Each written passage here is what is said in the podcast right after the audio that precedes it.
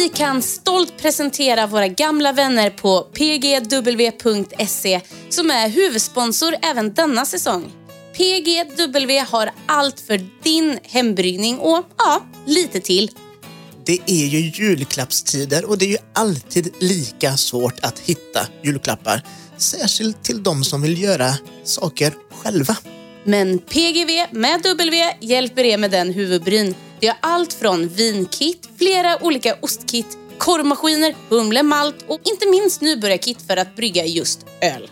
Ett sånt nybörjarkit som vi bryggde med i somras och kan vi lyckas så kan alla lyckas. Så gör din pappa, mamma och morfar en tjänst och strunta i sockorna. Stort tack pgw.se.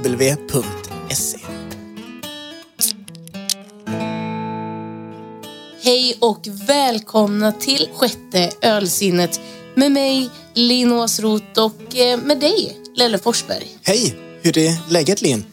Jag är jättetaggad. Är du taggad? Hur går det med plugget förresten? Jo, det går bra, men jag är inte alls lika taggad på plugg som jag är på det här avsnittet, Linn. Men vilken tur då att du kommer få en historielektion utav rang idag då, Lelle. För vi ska inte åka iväg eh, och besöka ett bryggeri idag. Utan eh, vi har lite annat på agendan får man väl säga. Och det är ju perfekt för dig Lelle som älskar historia och eh, historisk öl. Menar du eh, gammal öl? Nej. Menar du att jag är gammal? Ja. Ja, nej, men det stämmer ju att jag tycker om historia och, och öl. Eh, så det ska bli riktigt eh, spännande att få en historielektion. Vem är denna eminenta historielärare som ska hålla föreläsning, Linn? Han heter Peter Sandberg, är eh, doktor i ekonomisk historia med just bryggnäring som specialområde. Och i våras kom han ut med boken Svensk brygghistoria. Mm, det är ni. Hoppas vi kommer få lära oss om fulla klosterfolk som brygger och bedrar varandra i, längs klosterruinerna. Och kanske till och med någonting om de här eh, spännande kartellerna man har hört talas om. Det där låter spännande får man väl ändå säga. Så vi kan ju hoppas att det nämns ett och annat om eh, dessa munkar och banditer. Men nu slår vi en pling till Peter och låter Peter berätta mer.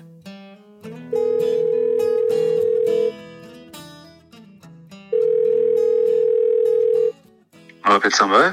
Tjena Peter, det var Lelle här. Och Hej Linn! Hej Peter! Hej! Hej. Det är tre stycken i telefon på en gång. Vad bra. Ja. Perfekt, kan vi tala i mun på varann? Ja, det är bra. Ja. Då kör vi.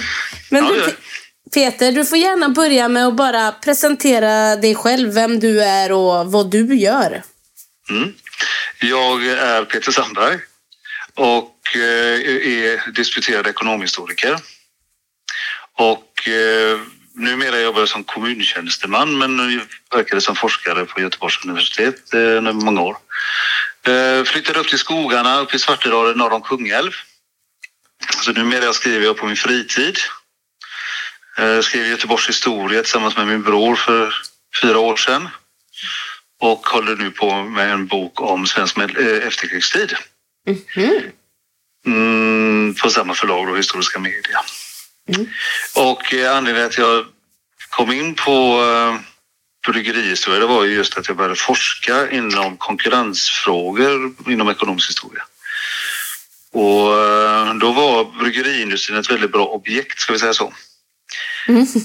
För, för de hade fantastiskt källmaterial för en historiker. Så det gick att gräva sig djupt ner i, i de här historiska dokumenten. Så man fick fram en väldigt bra... Alltså man hade väldigt bra material för att kunna forska kring framförallt konkurrensfrågor. För min del då. För man måste alltid fråga materialet någonting. Man kan liksom inte bara titta i material för då blir det liksom hembygdsforskning så. Så att, eh, och det tyckte jag var jättespännande så jag gjorde ju uppsatser om det först och sen så började jag göra på forskarutbildningen så det blev en avhandling till slut som heter Kartellen som sprängdes. För 15-16 år sedan. Och sen gick jag och ruva på det här lite grann. Herregud, varför ska man inte få ut den här jättespännande historien alltså bredare än vad min avhandling var givetvis. Ja. Eh, För den var ju väldigt snäv. Den var ju 35 år efter kriget här. Eh, Och berättar den här historien på ett populärhistoriskt sätt. Eh, Och då pratade jag med förlaget och de tyckte det var en kanonidé. Och då rullade det på ganska fort.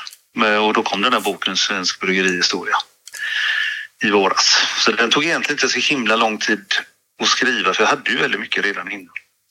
När kommer kriminalromanen Kartellen som sprängdes, som utspelar sig i bryggbranschen? Den får du skriva. Okej, då- då kommer den aldrig. Nej, kriminalromanen lämnar jag över till Arthur Conan Doyle och han är död. Men däremot, kartellen som sprängdes var ju lite syftning till kvartetten som sprängdes givetvis av Birger Sjöberg. Ah. Ja, vara. Men har du ett ölintresse då? Eller var det ett ekonomihistoria och så blev det ett bra objekt, just bryggeribranschen? Eller fanns det ett ölintresse från början? Jag är, ju, jag är ju från Göteborg från början. Och där tycker alla om öl. Ja, ja, jag älskar öl. Och det började väl egentligen med att jag reste till England i slutet på 70-talet som språkresenär till att börja med. Och sen åkte vi dit till London och gick på konserter och så framförallt gick på pubbar. Och då fick vi till, se till livs något helt annat än den stora starken. Eh, faktiskt. Och det, det är inte alla som gillar engelsk öl, men jag älskar det och gör det fortfarande. Vilken är favoriten? Det är nog faktiskt eh, Old Speckled Hen, tror jag. Av de som finns i Sverige. Mhm. Mm. Spännande. Den är väldigt tjust i. Ja, nej, på, på den vägen var det. Och sen var det väl liksom att man, att man blir lite sådär fascinerad av alla de här gamla bryggeribyggnaderna som ligger kvar. De finns ju liksom lite grann överallt i vårt avlånga land. Stockholm, Södermälarstrand, Münchenbryggeriet och det här. Va? Mm. Så att det fanns en historisk gloria, ska vi säga så, över bryggeriindustrin på något sätt.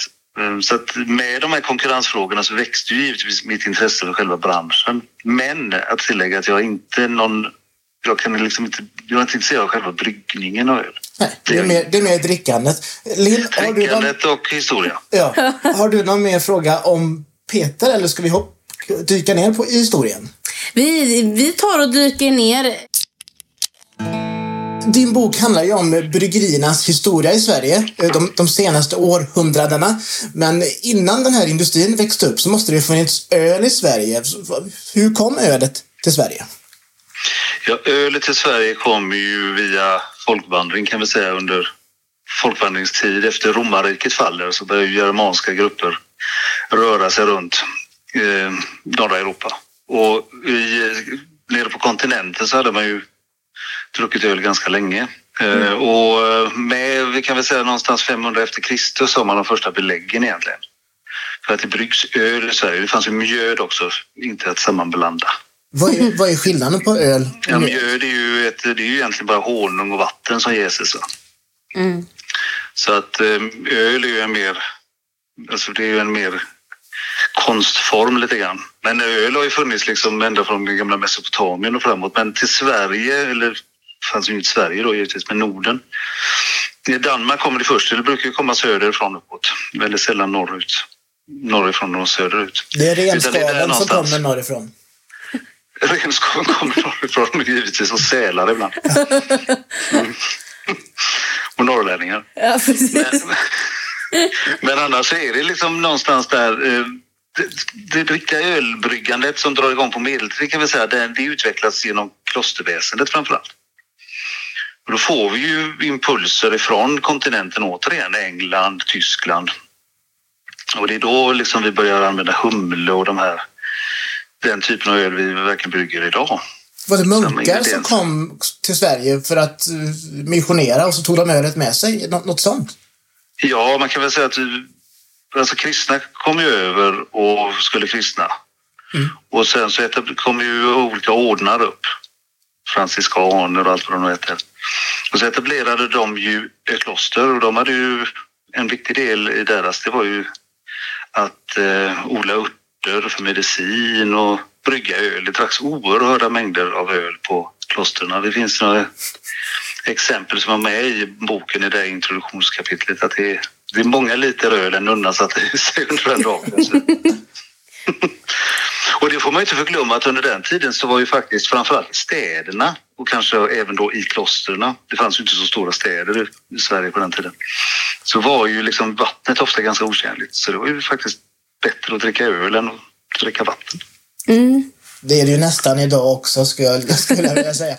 Men, men, ja, det stämmer. men, men vilka var det som eh, drack öl? Var det rika, fattiga eller hade alla råd att, att dricka öl? Eller vem drack öl? Från början, alltså om vi, om vi tittar någonstans på Sverige som jordbrukssamhälle under medeltiden så är det en kvinnlig syssla på gården.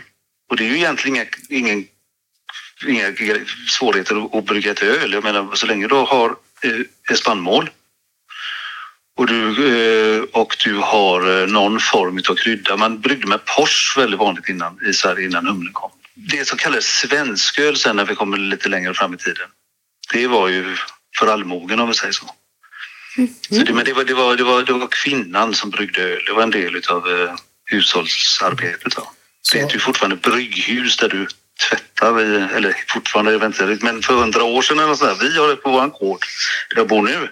Där har vi ett brygghus.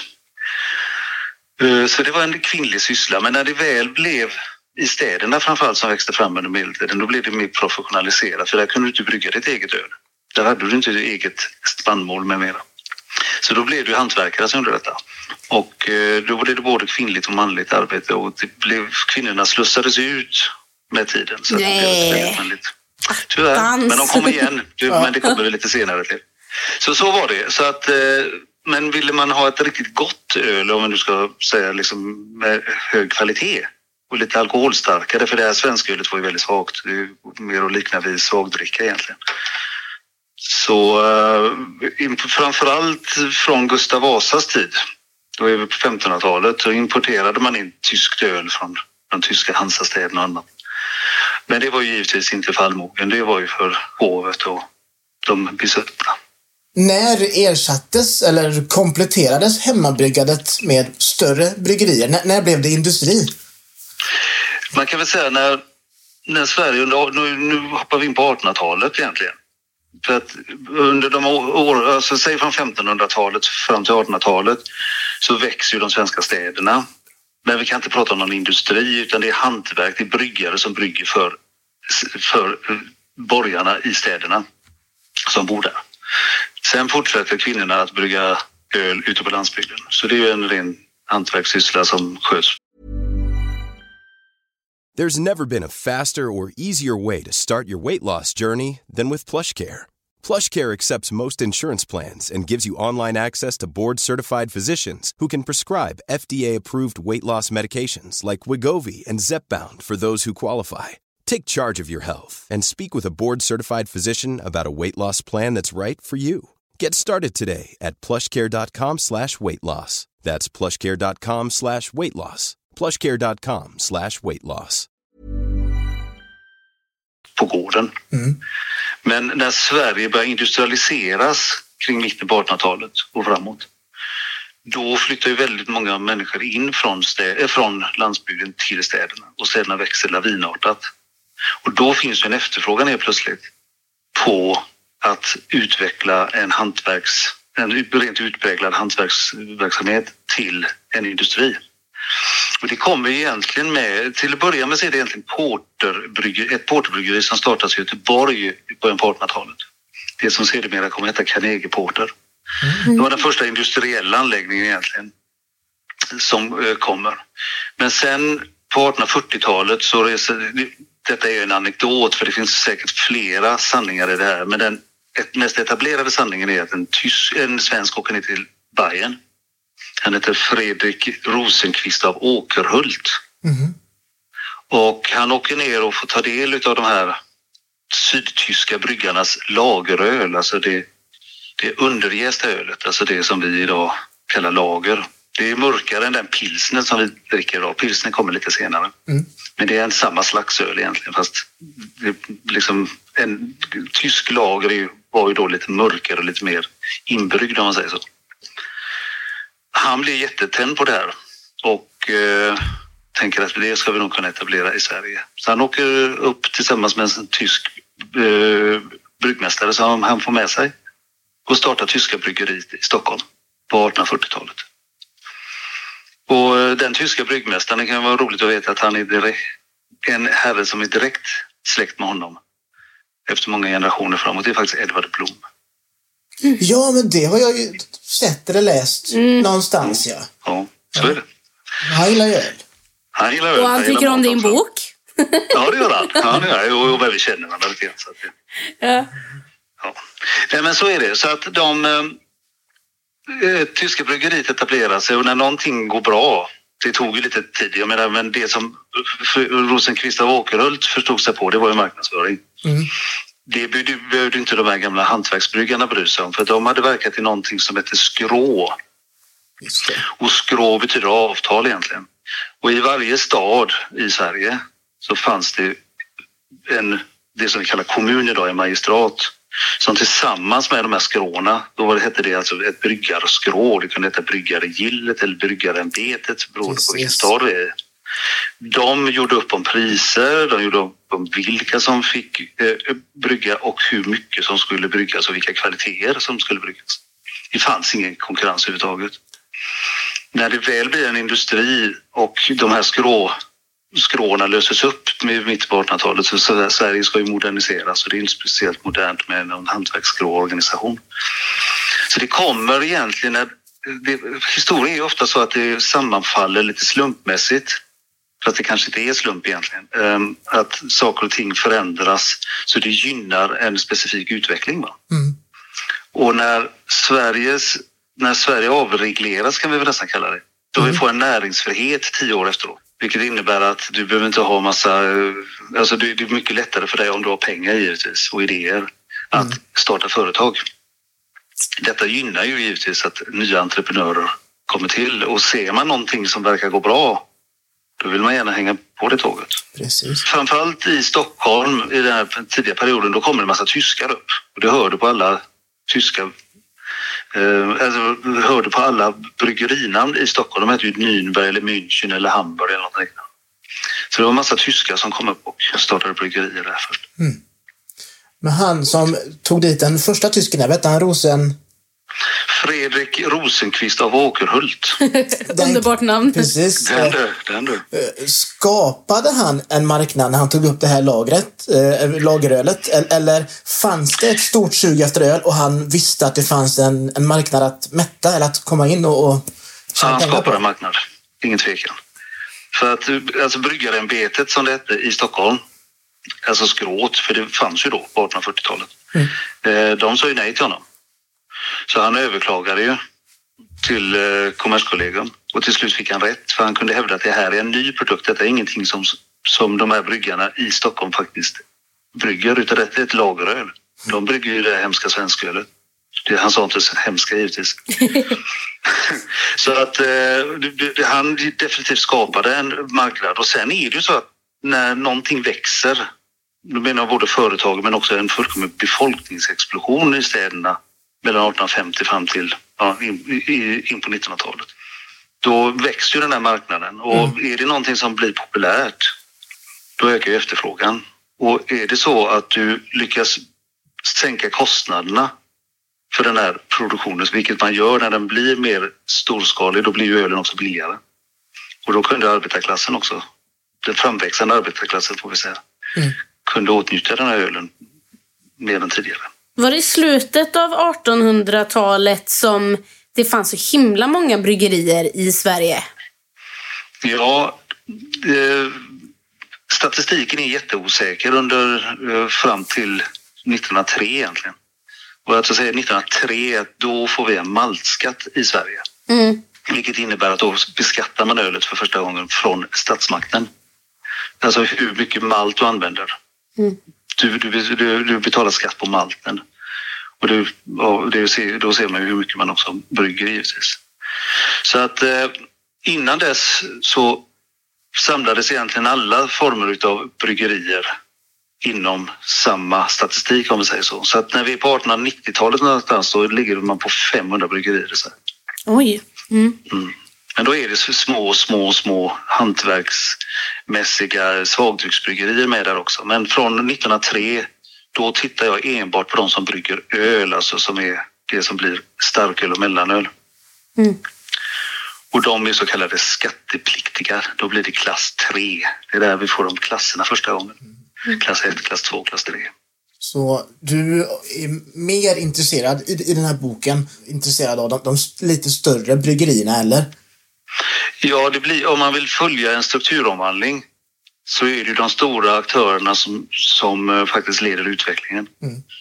Eh, och det går ju liksom, för det växer ju upp en fruktansvärd massa bryggerier på 1800-talet och det finns väldigt många hundra kvar. Det kan vara 250 bryggerier tror jag som är skattepliktiga. Eh, jag har det, den, ni kan se den siffran i min bok. Där har jag en, en graf, jag kommer inte exakt ihåg den nu. Men eh, det gör ju onekligen att... Eh, vänta, var var vi nu? Nu tappar jag mig. Det här med, jag var mer nyfiken på om, det var, om du tyckte att det var mer spä, om, det, om det är mer spännande med de här stora bryggeriernas historia. Ja, just det. Just det, just det. För att de här...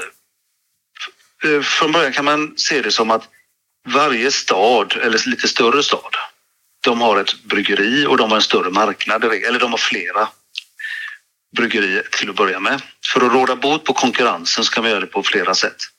Man kan göra som det gamla skrået gjorde och man eh, eh, har avtal, eh, alltså sinsemellan att man inte konkurrerar.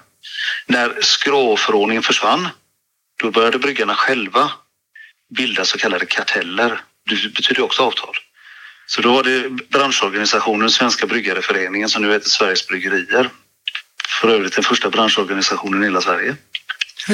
Som, som faktiskt eh, formulerar de här avtalen som de olika bryggerierna i säga, Lidköping eller Stockholm, Göteborg, Karlstad. De rättar sig efter de här avtalen och låter bli att konkurrera med varandra i stort sett. Men det här lyckas ju inte till 100 procent givetvis. Men man blir tuffare och tuffare. Men det bästa och mest effektiva sättet att råda bot på konkurrens det är ju faktiskt så helt sonika köpa upp sin konkurrent. Till exempel i Stockholm på 1890-talet så köper ett konsortium upp som heter Stockholms Bryggerier. De köper upp de enskilda bryggerierna. De, de kommer att ingå i Stockholms bryggerier, de som heter München och Hamburg och Nürnberg och vad de nu heter. Så de blir ett bryggeri. I Göteborg har du det som sedermera blev Pripp och Lyckholm. Först var det då Pripps som bildade ett företag tillsammans med några andra som heter Göteborgs Förenade Bryggerier som sen bytte namn till Pripps igen. Så att det blir en koncentration i städerna. Sen börjar de, mest, de stora stadsbryggerierna de börjar köpa sina regionala konkurrenter. Så föreställer det en ring, en vattenring, att den växer liksom hela tiden. De köper större och större på marknaden. För man köpte marknaden kan man säga. För de var egentligen inte intresserade av själva bryggerierna. Till att börja med behövde de kanske de produktionsenheterna. Men, till, men senare så la man ju ner dem och så producerar man allt på allt färre enheter. Man ersatte det lokala utbudet med sitt egna utbud. Kan man säga. Någonting som Stockholm annars eh, var känt för var ju karteller. Och hur är det inblandat i bryggerihistorien? Det är väl det som min lo- avhandling handlar om, eller slutändan på det egentligen, kartellen som sprängdes. Eh, Det är alltså när du är i, i, i början på 1900-talet så bildar Svenska Bryggareföreningen någonting som heter Bryggeriidkareförbundet. Och deras uppgift är att formulera avtal, för då har det helt plötsligt det blivit möjligt att konkurrera mer geografiskt spritt. Järnvägen har börjat byggas ut på allvar. Vägarna är bättre. Så att då gäller det liksom att råda bot på konkurrensen över hela Sverige. Inte så att en nere i Ystad och sålde uppe i, eh, i Norrland, där är vi absolut inte. Men man såg till att ordna upp det så man inte skapade någon illojal konkurrens som man kallade det på den tiden. Så alla bryggerier eller bryggerikoncerner eller en grupp av bryggerier som kunde vara då också fristående givetvis hade så kallade naturliga försäljningsområden som det kallades. Och det här var inget förbud mot, det här var någonting som uppmuntrades ut av statsmakterna. Så det var absolut inte bara bryggerierna utan det var hela svenska näringslivet. Men man, det fanns inga, inga... Man tänker ju på karteller och kanske eh, sydamerikansk produktion utav andra eh, eh, nöjesprodukter eller som man kan inmundiga eller inhalera. Fanns det någon, fanns det någon maffia-aspekt i de här kartellerna? Nej, nej, nej. nej, nej. Absolut inte. Och det är det som är så roligt idag. Liksom, om, du, om, du, om, du googlar på kartell så får du fram massa kolumbianska ansikten. Ja. Um, och så var det ju inte, utan karteller, det, man, man hittade ursprunget till dem i Tyskland kan man säga. Och det är en förlängning av det gamla skrået, alltså deras filosofi kan man säga. Uh, och att det handlade i stort sett om att skydda den egna marknaden man hade ju en tanke om att starka företag kunde hålla till exempel bot mot konkurrens utifrån. Mm. Men också att varje företags rätt var att reglera konkurrensen. Så det var liksom en helt annan tankegång än vad vi har idag. Det är svårt att faktiskt förstå den tankegången i, en modern, i ett modernt sammanhang. Men det här följer med väldigt länge. De här kartellerna följer med ända fram till 1950-talet då man faktiskt börjar syna karteller när man bildar från Sveriges sida är någonting som heter Monopolutredningsbyrån och ett kartellregister där man ska registrera de här kartellerna. Mm. Det är ett enormt källmaterial. Eh, saken är ju den att man egentligen inte är intresserad av att förbjuda kartellerna. Man vill bara se vilka ne eventuella negativa effekter de har. Så att det är först när vi går med i EU egentligen som vi får ett förbud mot karteller i Sverige. Jaha. Mm. Fanns det karteller ända fram till dess då? Ja, ja, då, ja. Men de hette ju, alltså en kartell, det är också det var egentligen Kooperativa förbundet som började reagera mot kartellerna på 1920-1930-talet. Hur, hur, alltså KF, om ni känner till, alltså alla, alla konsumbutiker och ja, ja. allt ja. Mm. De hade även en industriell rörelse. Mm. Och de missgynnades av de här kartellerna, eh, ansåg de. Och då börjar man med utredning. Och det fortsatte efter andra världskriget. Och efter andra världskriget ska vi inte förglömma att Tyskland förlorade kriget. Mm. Och med detta så försvann också den kopplingen till den tyska, ska vi kalla institutionen, alltså hur vi, våra normer kring hur man bedriver affärsverksamhet förändrades från att vara väldigt tyskinspirerad till att bli anglosaxisk. För det var ju faktiskt USA som stod som den stora segerherren om vi nu bortser från Sovjetunionen. Mm. Så att vi får en helt annan syn. Amerikanerna hade ju en helt annan syn på karteller och truster som det kallas där. Mm. Ölkartellen att, för övrigt hade varit ett väldigt bra namn på ett hantverksbryggeri, tycker jag. Kanske, det beror på vilken, ja, vad du vill förmedla med ditt namn. jag tycker bara det låter coolt. Eh, men, ehm, men om vi, om vi, nu har vi varit inne och nosat lite på 50-talet och, och, och andra världskriget och vad som hände, eller den eran. Men finns det någonting i, i mellan sekelskiftet och fram till 50-tal vi behöver gå in på? Eller ska vi ta oss till ja, det är jätteviktigt. Mm. Nej, men det är jätteviktigt. Men jag ska försöka ta det lite kort. När bryggerierna etableras under 1800, alltså andra halvan av 1800-talet. Till att börja med den första nykterhetsrörelsen som började reagera på fylleriet i Sverige. Det var ju riktat mot brännvin. Så på 1850-talet så reglerar man brännvinet. Man höjer skatten och det blir svårare till utskänkning och allting. Ölet bryr man sig inte om och det har att göra med att lagerölet hade inte slått igenom riktigt än. Lagerölet är ju alkoholmässigt starkare än vad det där gamla svenskölet var. Men i slutet på 1800-talet får vi detta som heter IOGT, alltså Godtemplarlogen.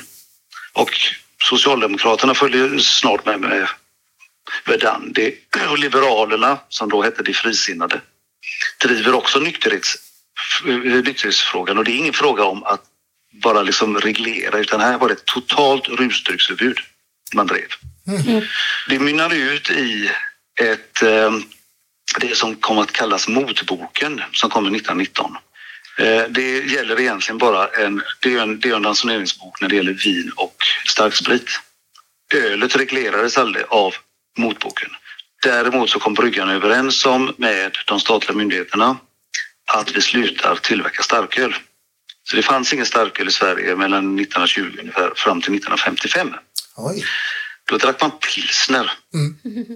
Inte det, alltså man använder begreppet pilsen som att på något sätt att det skulle vara något svagt dåligt öl. Eller dåligt menar de inte, men det var som vårt lätta folköl. Då. Så att, eh, men när, när motboken avskaffas 1955 då får vi åter starköl på Systembolaget. Och då är det bara Systembolaget som det får säljas på. Däremot en pilsner klass 2, som den kallas, den som har funnits hela tiden, den här svaga folkölsvarianten. Det heter ju inte folköl givetvis då. Den fanns ju med hela tiden. Och den kunde du köpa i vilken lanthandel eller lite butik runt hörnet. Men starköl kunde du bara köpa på Systembolaget. Så där är vi i mitten på 1950-talet. Och sen så, det, jag menar, då blir ju det bättre med öl, eh, ölkvaliteten men det börjar utländska konkurrenter komma in också. De ser möjligheterna. Jag tänker att världen öppnas upp efter andra världskriget och det måste ju ha jättestor påverkan på ett land som Sverige. Ja, det gör det men om vi tittar på strikt bryggeriindustrin så har det inte så, så stor betydelse egentligen för att öl tappades på returflaska och det var tvång med returflaska. Mm. Och för ett utländskt bryggeri att hålla på med tomflaskor eh, och liksom frakta fram och tillbaka och liksom göra rent och allting. Ja, så var det avgörande att man fick en ny förpackningstyp och det är burkölet. Förpackning på burk. För den var ju inte returmässig så som den är idag. Eller det är den ju idag. När kom den då? Eh, den kom ju egentligen i USA på 1840, eller vad säger 1940-talet men den slår, de började i Sverige lite grann på flygen vid mitten på 1950-talet. Men det är ett bryggeri som heter Tingsryd, Tingsryds bryggeri i, i, eh, i Småland ett litet själv, självstående eller fristående bryggeri som har, förstår vikten av det här. Och de är drivande i etableringen utav burkölet. Det gynnar givetvis dem på den svenska hemmamarknaden men det gynnar ju också konkurrenterna på den utländska, eh, utländska marknaden. Grejen var ju den att ett pilsner klass 2 som bara fick säljas, eller som då såldes i alla affärer och lanthandlar och allting, det var det de utländska bryggerierna egentligen vill åt. Och det kunde de först komma åt när Sverige fick ett mellanöl 1965. Mm. Och det fick ju säljas på ja, i vilken detaljhandel som helst. Och då vädrade de utländska och framförallt danskarna morgonluft. Och då ökar importen enormt. Är, är, har detta med, man har hört bryggeridöden liksom, sker det här och nu eller har det börjat tidigare eller när kommer den svenska bryggeridöden? Alltså bryggeridöden beror på hur man ser på den. Eh, antalet bryggerier minskar ju efter andra världskriget drastiskt. För de här stora drakarna, ska nu kalla det i Stockholm, Göteborg och annat, de, blir, de köper upp i stort sett alla bryggerier i hela Sverige. Inte riktigt alla givetvis, men de fristående som finns kvar, typ Tingsryd, det som heter Åbro idag, mm. Eh, Krönline nere i Halmstad, Kopparberg var ett, det är, inte, har inte, det är ju egentligen bara namnet som finns kvar fortfarande, men det var också ett bryggeri och bank och bryggerierna fanns ju.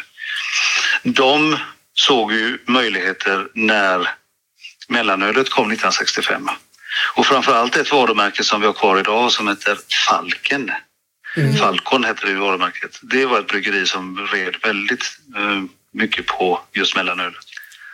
Så att de vädrade morgonluft, men de fick också konkurrera med de utländska bryggerierna. Men bryggeridöden kommer 12 år efter man får lov att börja brygga och sälja mellanöl. Man förbjuder mellanölet 1977. Och då, slår man, då drar man undan mattan för många av de här fristående som har levt på det här. Och då är det bolaget som då hette Prips. Det är en sammanslagning av Stockholms bryggerier, Pripp och Lyckholm i Göteborg och Malmö förenade bryggerier i Malmö. Three Towns som du känner till, TT. Ja. Mm. Det, det här förbudet, det varför klubbades det här förbudet igenom? Därför att i slutet på 1960-talet, det, det, det, kom ju 1965 och då var det ingen åldersgräns på det överhuvudtaget. Då kunde vilken snorunge som helst köpa det. Eh, sen märkte man liksom att det var ett helt nytt fenomen som man aldrig varit med om innan. Det var ungdomsfylleri. Mm. jag menar, då får du hela, jag menar, rock, rockkulturen, en ungdomskultur kom ju under framförallt slutet av 50-talet in på 60-talet. Tages och Hepstars, you name it. Va? Och hela den här kulturen blir ju också, blir mellanölet en del i. Och det tillsätts en utredning, ska man inte förvånas över det här landet. De heter alko alkoholpolitiska utredningen. Och de kommer fram till till slut att det bästa är, först sätter man åldersgräns på 18 år och sen så beslutar man med regeringen, för det är ju regeringen som, som tar beslutet. Så 1976 då fick vi en borgerlig regering, men det har egentligen inte alls med det att göra för sossarna var med på det här också. att man förbjöd det här. Och då blev det ett folköl istället, så, som vi har det idag. Ja. Och då fick ju de här bryggerierna som stod utanför det stora Pripps som då hade bildats 1964. De fick ju svårare och svårare att överleva. Så några få lyckades överleva. Och det som heter Grängesbergs bryggeri bytte namn till Spendrups till exempel. Eh, och eh, Åbro och några till. Eh, och sen på 1980-1990-talet är då man pratar om bryggeridöd. För då finns det så få självständiga bryggerier kvar. Då har ju i stort sett Pripps monopol på ölbryggningar och då har det också blivit ett statligt företag. Det är som bilbranschen, det är många varumärken som finns kvar, som Mellerud, som Mariestad, men det är stora bryggerier som brygger ölen centralt istället för att spritt ut i landet. Ja, om vi tar Mella, Mellerud och eh, Mariestad. Mariestads bryggeri hade en gång i tiden köpt Melleruds bryggeri. Och sen köper Grängesbergs bryggeri Mariestads bryggeri. Och sen ligger ju de varumärkena i glömska tills någon på Mariestads marknadsavdelning kommer på. Men vi äger ju Mariestads bryggeri var ju först. Och sen kom de på att ja, men Melleruds bryggeri kan vi också använda som, som varumärke. Så det är många av de här varumärkena som har helt legat glömda i många, många år. Carlsberg Sverige gör ju någonting som heter Eriksberg. Mm. Och Eriksberg var ett bryggeri i Göteborg som från 1902 bara bryggde svagdricka faktiskt. Så de är, lite, de är lite historielösa ibland, våra marknadsavdelningar på bryggerierna.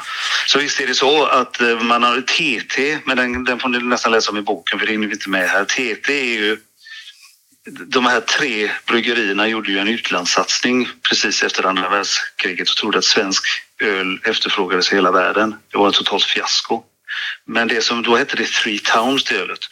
Sen blev det ett starköl på den svenska marknaden och när mellanölet kom då nischade man till det lite grann och då blev det TT. Så det har ursprunget till det varumärket. Sen så köptes ju Pripps till slut utav Carlsberg Sverige som ni kanske känner till Ja. vid millennieskiftet. Och då tyckte Konkurrensverket att de sitter på en för stor portfölj med varumärken så de var tvungna att släppa vissa varumärken. Så TT då byggs ut av någonting som heter Three Towns Independent Breweries som inte finns givetvis. Det finns ingen bryggeri som heter så. När det kommer till hantverksölets eh, uppgång, det blev väl en stor boom där. Vad var det mellan 2010 och 2017? Eh, vi, vi får backa lite till 1990-tal egentligen för att se liksom, när, när de första hantverksbryggerierna etableras i Sverige. Och det är ju en internationell trend, så det är liksom ingenting som bara händer i Sverige på något sätt. Men vid, mitten på 1900-talet, ja, i början på 1990-talet så var det Stenbeckssfären i eh, Stockholm som startade ett lagerbryggeri nere på Skeppsholmen. Då kunde man servera öl direkt ifrån sitt bryggeri som låg i restaurangen om man säger så. I Göteborg så startades någonting som heter Gamlestadens eh, bryggeri där man också hade pub och allting. Det, eh, det mattades av ganska snabbt men samtidigt ungefär 1995 så startade man upp till exempel upp i Jämtland, Jämtlands eh, bryggeri och i eh, Grebbestad i Bohuslän och i Arlafors, Ale Ale, det var ju jättefyndigt. De satte igång, men det, det gick ganska långsamt. Jämtland förstod vikten av varumärken så de skapade ganska starka varumärken. Heaven och Hell och Postiljon och vad de nu heter. Men eh, när vi kommer in efter millennieskiftet, det är då det börjar verkligen växa. Då har det vuxit liksom, då har det etablerats mikro eller hantverksbryggerier som jag väljer att- kalla dem lite överallt i hela Sverige, lite varstans. Vad är orsaken till det? Orsaken är ju omtvistad givetvis, men den enkla förklaringen är ju att det är en trend internationellt. Man börjar efterfråga, alltså det är ju inte bara öl som man får en förfinad smak, ska vi säga så. Folk blir mer intresserade av ett gott vin, ett gott öl, närproducerat, börjar bli mer och mer etablerat hos många människor. Och framför allt så tycker många det är roligt att brygga öl. Så att de här, flera av de här hantverksbryggerierna som är idag, vi är kring 500 i, i Sverige idag. Det är ju jättesmå bryggerier. Men vissa är ju bara en person som sköter alltihop. Alltså det, det, det är några få, det är ju typ Oppigård, Poppels och några till. Ja. Eh, Nynäshamn och några till som, som är ganska stora idag. Men de mesta är ju jättesmå. Och mäter man antalet bryggerier så är det ju en jätteboom. Men mäter man marknadsandelen som de har av, av den svenska ölen som säljs på Systembolaget och på krogen så är den jätteliten. På Systembolaget så ligger den ungefär på 1,5-2 procent pendlar. Mm. There's never been a faster or easier way to start your weight loss journey than with PlushCare. PlushCare accepts most insurance plans and gives you online access to board-certified physicians who can prescribe FDA-approved weight loss medications like Wigovi and Zepbound for those who qualify. Take charge of your health and speak with a board-certified physician about a weight loss plan that's right for you. Get started today at plushcare.com slash weight loss. That's plushcare.com slash weight loss. plushcare.com slash weight loss. Normally, being a little extra might be a bit much, but not when it comes to healthcare. That's why United Healthcare's Health Protector Guard fixed indemnity insurance plans, underwritten by Golden Rule Insurance Company, supplement your primary plan so you manage out-of-pocket costs. Learn more at uh1.com. Så att de, har inget, er de har er inget hot mot de etablerade stora bryggerierna i, i Sverige eller internationellt. Men däremot så har de ju höjt ribban på vad konsumenten efterfrågar. Och idag har du alltså en parallell utveckling att du fortfarande köper sin stora stark. Det gör man ju. Det är inga problem. Men du kan också välja mellan ett jätteutbud. Mm. Och då hakar ju de här stora på. Så jag menar Visby bryggeri, det ägs av Spenderups. Eller ett, ett dotterbolag. Ja. Till exempel Åbro håller på att bygga ett mikrobryggeri nu i Vimmerby, eller hantverksbryggeri. Eh, vi har ju eh, nya Carnegiebryggeriet uppe i, i Stockholm. Mm. Det ägs ut av Carlsberg Sverige. Det är lite Så att, häftigt, eh, men också lite, jag kan tänka att det är lite jobbigt för hantverksbryggare att de nu, att de, nu de stora drakarna ska konkurrera i, i- på hantverksbranschnivån också. Ja, framför allt har de väl reagerat på, vi kan ju ta Visby som exempel där. Det är väl de Sleepy Bulldog och de här. Mm. Och eh, när kapaciteten på Visby bryggeri inte räckte till längre då flyttar man över en del av produktionen till det stora bryggeriet i Grängesberg. Och då kan man ju diskutera vad är hantverksöl och vad är inte hantverksöl. Ja. Definitivt. Men däremot, jag menar Carnegiebryggeriet är ju ett experimentellt bryggeri. Som har lite mer ekonomiska muskler onekligen än många av de här, än de eh, små konkurrenterna. Så de har andra förutsättningar givetvis. Och då, då är ju också lite frågan att vad är ett hantverksöl när man har eh, så mycket ekonomi att man faktiskt inte genuint behöver göra det själv heller. Utan man kan använda sig utav lite mer high-tech eh, än att behöva stå och kanske lassa ner malt och, och Ja, ja, men det, det är alltid en det är jättesvår gräns det här egentligen. Hur- Det man vill idag särskilja hantverksbryggeri mot de stora då, det är ju liksom kvantiteten öl man faktiskt brygger. Och det man driver på EU-nivå idag och mot våra eh, eh, statsmakter, det är ju en differentierad skatt. Så att de som brygger, brygger mindre än en viss enhet eller en viss mängd eh, ska få en lägre skattesats på sin produktion. Men vi är inte riktigt där än. Men där driver ju, vad heter de, Sveriges, vad heter det, ja, de har en egen organisation, de, alltså hantverksbryggerierna. Det är inte, några är med, är med i, i Sveriges bryggerier, men de har också en egen som driver de här frågorna mot Sverige och mot EU. För det hade gynnat dem väldigt, väldigt mycket. Hur eh, ser framtiden ut? Kanske främst för hantverksölet? Ölmarknaden har ju blivit mer och mer global. Så när man var och vandrade i Himalaya och ville släcka törsten uppe i en by så visst var det en skärta som hade burit upp en Tuborg. Va? så, så att jag menar, det är en, de här stora drakarna är ju så dominerande. Va? Och i Europa är ju Carlsberg Sverige en, eller vad säger jag, är Carlsberg jättestort. Mm.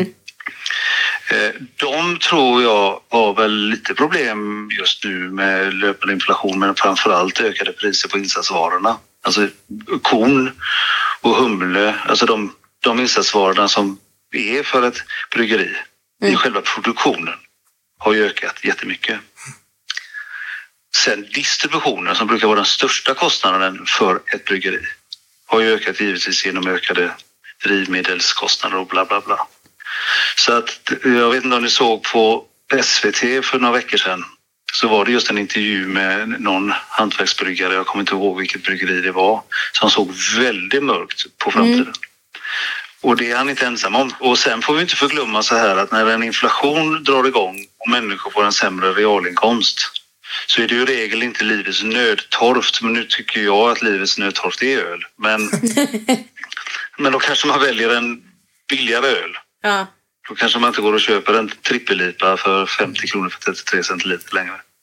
Utan det är de, alltså man, man väljer bort det mest ex, exklusiva. De allra flesta kommer att göra det under den perioden, jag tror. Det är bättre att ställa in en flygresa tycker jag till eh, Spanien och istället köpa sig gott. Håller jag med dem, håller jag med dem. Det gäller bara att få människor att förstå detta. Ja. Så att, nej, så att man ska inte måla fan på väggen, men många kommer försvinna. Och det hade det gjort även utan den här utvecklingen som har varit nu under ett år efter, eller sen framförallt Ukraina-krisen. Det är så många små aktörer som liksom lever, det är liksom som en dagslända lite grann. Som lever en kort period och så ersätts de av några andra, för det är ju entusiaster. Och eh, om det kommer ske, för man har också diskuterat att det kommer ske en koncentration bland mikrobryggerierna, att de stora kommer köpa de små. Eh, Det kommer skilja sig väldigt mycket mot den tidigare koncentrationen som vi pratade om tidigare. För då köpte man ju marknader. Nu är ju väldigt få mikrobryggerier har starka nationella varumärken. De är ofta lokala. Om vi då bortser från Oppigård och Nynäshamn och några till så är det ju i regel till de lokala systembolagen och de lokala krogarna man levererar till. Och man är inte på jakt efter produktionsenheter för de är ju så små så att det är, det är bara löjligt. Utan det är om de har ett starkt varumärke så. Ja. Eh, är det någon fråga vi borde ha ställt som vi inte har ställt? Ja, du. Nej, jag tycker vi fick vara med. Det, det finns ju väldigt mycket, så, alltså det finns ju väldigt mycket parallellhändelser i den här utvecklingen liksom, som påverkar slutresultatet. Men jag tycker väl ändå fått med det mest väsentliga, liksom konkurrenssituationen, hur den påverkar, hur en koncentration sker och hur de stora växer fram och köper upp de små.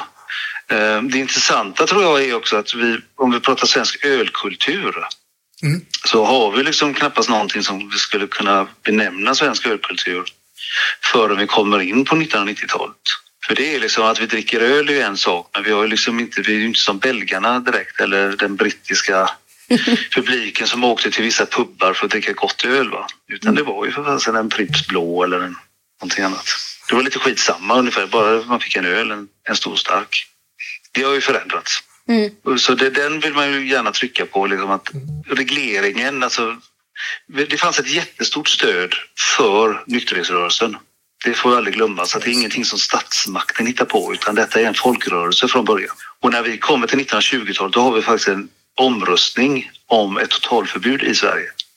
Där 49,5 procent röstar för ett totalförbud. Av alkohol? Eller Av, av av alkohol Ja. överhuvudtaget. Mm. Så att det, fanns ett, det fanns en folklig förankring i det här. Sen har den nog tunnats ut och regleringen har blivit för snårig. Så idag eh, är väl det, det som finns kvar idag egentligen det är väl en hög beskattning i ett preventivt syfte. Men också att vi har kvar Systembolaget. Och det kan man tycka vad man vill om. Jag personligen tycker att det är förbaskat bra att vi har kvar Systembolaget för det är en väldigt bra det är en bra eh, eh, konsumentorienterad konsumentorienterat företag tycker jag. Och du får ett utbud som du aldrig hade fått om du hade avreglerat det här. Det är bara att åka över till Danmark. Du kan köpa hur billig skitöl som helst om man får uttrycka det så. Men ska du köpa ett bättre öl, då är det dyrare än på Systembolaget. Vad härligt. Lite positiva ord om Systembolaget. Vi hör ibland. Ja, Jag, jag, jag gillar dem till 100 procent. Jag tycker de sköter sig jättebra. Förr var ju Systembolaget en ren stigmatisering. Folk skämdes ju för att gå dit. Men idag är det ju liksom en... De vinner ju ranking som Sveriges mest kundorienterade företag varje år. Vi har fått lära oss jättemycket historia, men allt ska vi inte ta upp för det måste ju finnas en anledning för våra lyssnare att gå och köpa den här boken också, om man inte redan har gjort det. Eh, Hur, hur, hur får man tag i boken, Peter? Den får du ta på hur lätt som helst via Libris eller Bokus eller den lokala bokhandeln om man vill gynna den. Så den finns en bred distribution på. Din kommande bok, vad var det sa du? Den kommer handla om svensk efterkrigstid. Alltså det som kallas rekordåren, ofta efter 1945 fram till ja, mitten på 70-talet ungefär. Och då kommer inte det bara handla om ekonomi eller något sånt där, utan det kommer handla om eh, politik, det kommer handla om kultur, alltså det som vi var inne på lite, den framväxande ungdomskulturen, radikaliseringen utav samhället, den, alltså det är då får konsumtionssamhället växer fram då. Galet spännande. alla skulle ha en bil och det byggdes hur mycket bostäder som helst. Och Sverige blev en del av världen på ett helt annat sätt än innan. Så det ska den boken handla om. Evigt tacksam för eh, det här samtalet. Det gläder mig. Jag tycker det var jätteroligt själv. Ja, men vad härligt. Så får du inte glömma att lyssna på avsnittet sen när det kommer ut. Självklart inte. Så kommer jag ringa och skälla på er. Jättebra, det tycker vi om. Du vet, du vet väl att de kan klippa ihop så allting blir förvrängt det man sa. Så det, troligen så kommer jag tycka illa om Systembolaget. Ja. Jag skojar bara med er. Ja, ja, ja. Det kommer vi göra. Jag ska försöka få ihop det i Nej, men jag är jättenöjd. Men du, vi hörs av och så får du ha det så himla gott fram tills dess. Detsamma. Tack så mycket. Ha det Ja, gott. ha det gott. Mm, Hej. Tack. Hej då. Hej, hej. Hej.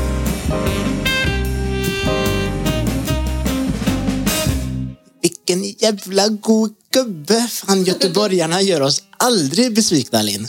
Nej, men det får man ändå säga att de inte gör. Och ehm, Vi fick ju verkligen lära oss ett och annat idag. Perfekt för oss som eh, missade historielektionerna i skolan. Okej. Eh, ska vi eh, säga bokens namn en sista gång så att det blir enkelt för våra lyssnare att eh, lägga en beställning? Det tycker jag. Och lyssna nu jäkligt noga. Boken heter Svensk bryggerihistoria.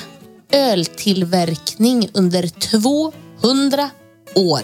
Av Peter Sandberg. Boken finns där böcker finns och vi, vi finns där poddar finns. Men framförallt så finns vi på Instagram som Chatte Olsinnet. Inga prickar på någon som helst vokal. Tills vi hörs nästa gång. Tack och hej! Leverpastej! Normally, being a little extra might be a bit much, but not when it comes to healthcare. That's why United Healthcare's Health Protector Guard fixed indemnity insurance plans, underwritten by Golden Rule Insurance Company, supplement your primary plan so you manage out of pocket costs. Learn more at uh1.com.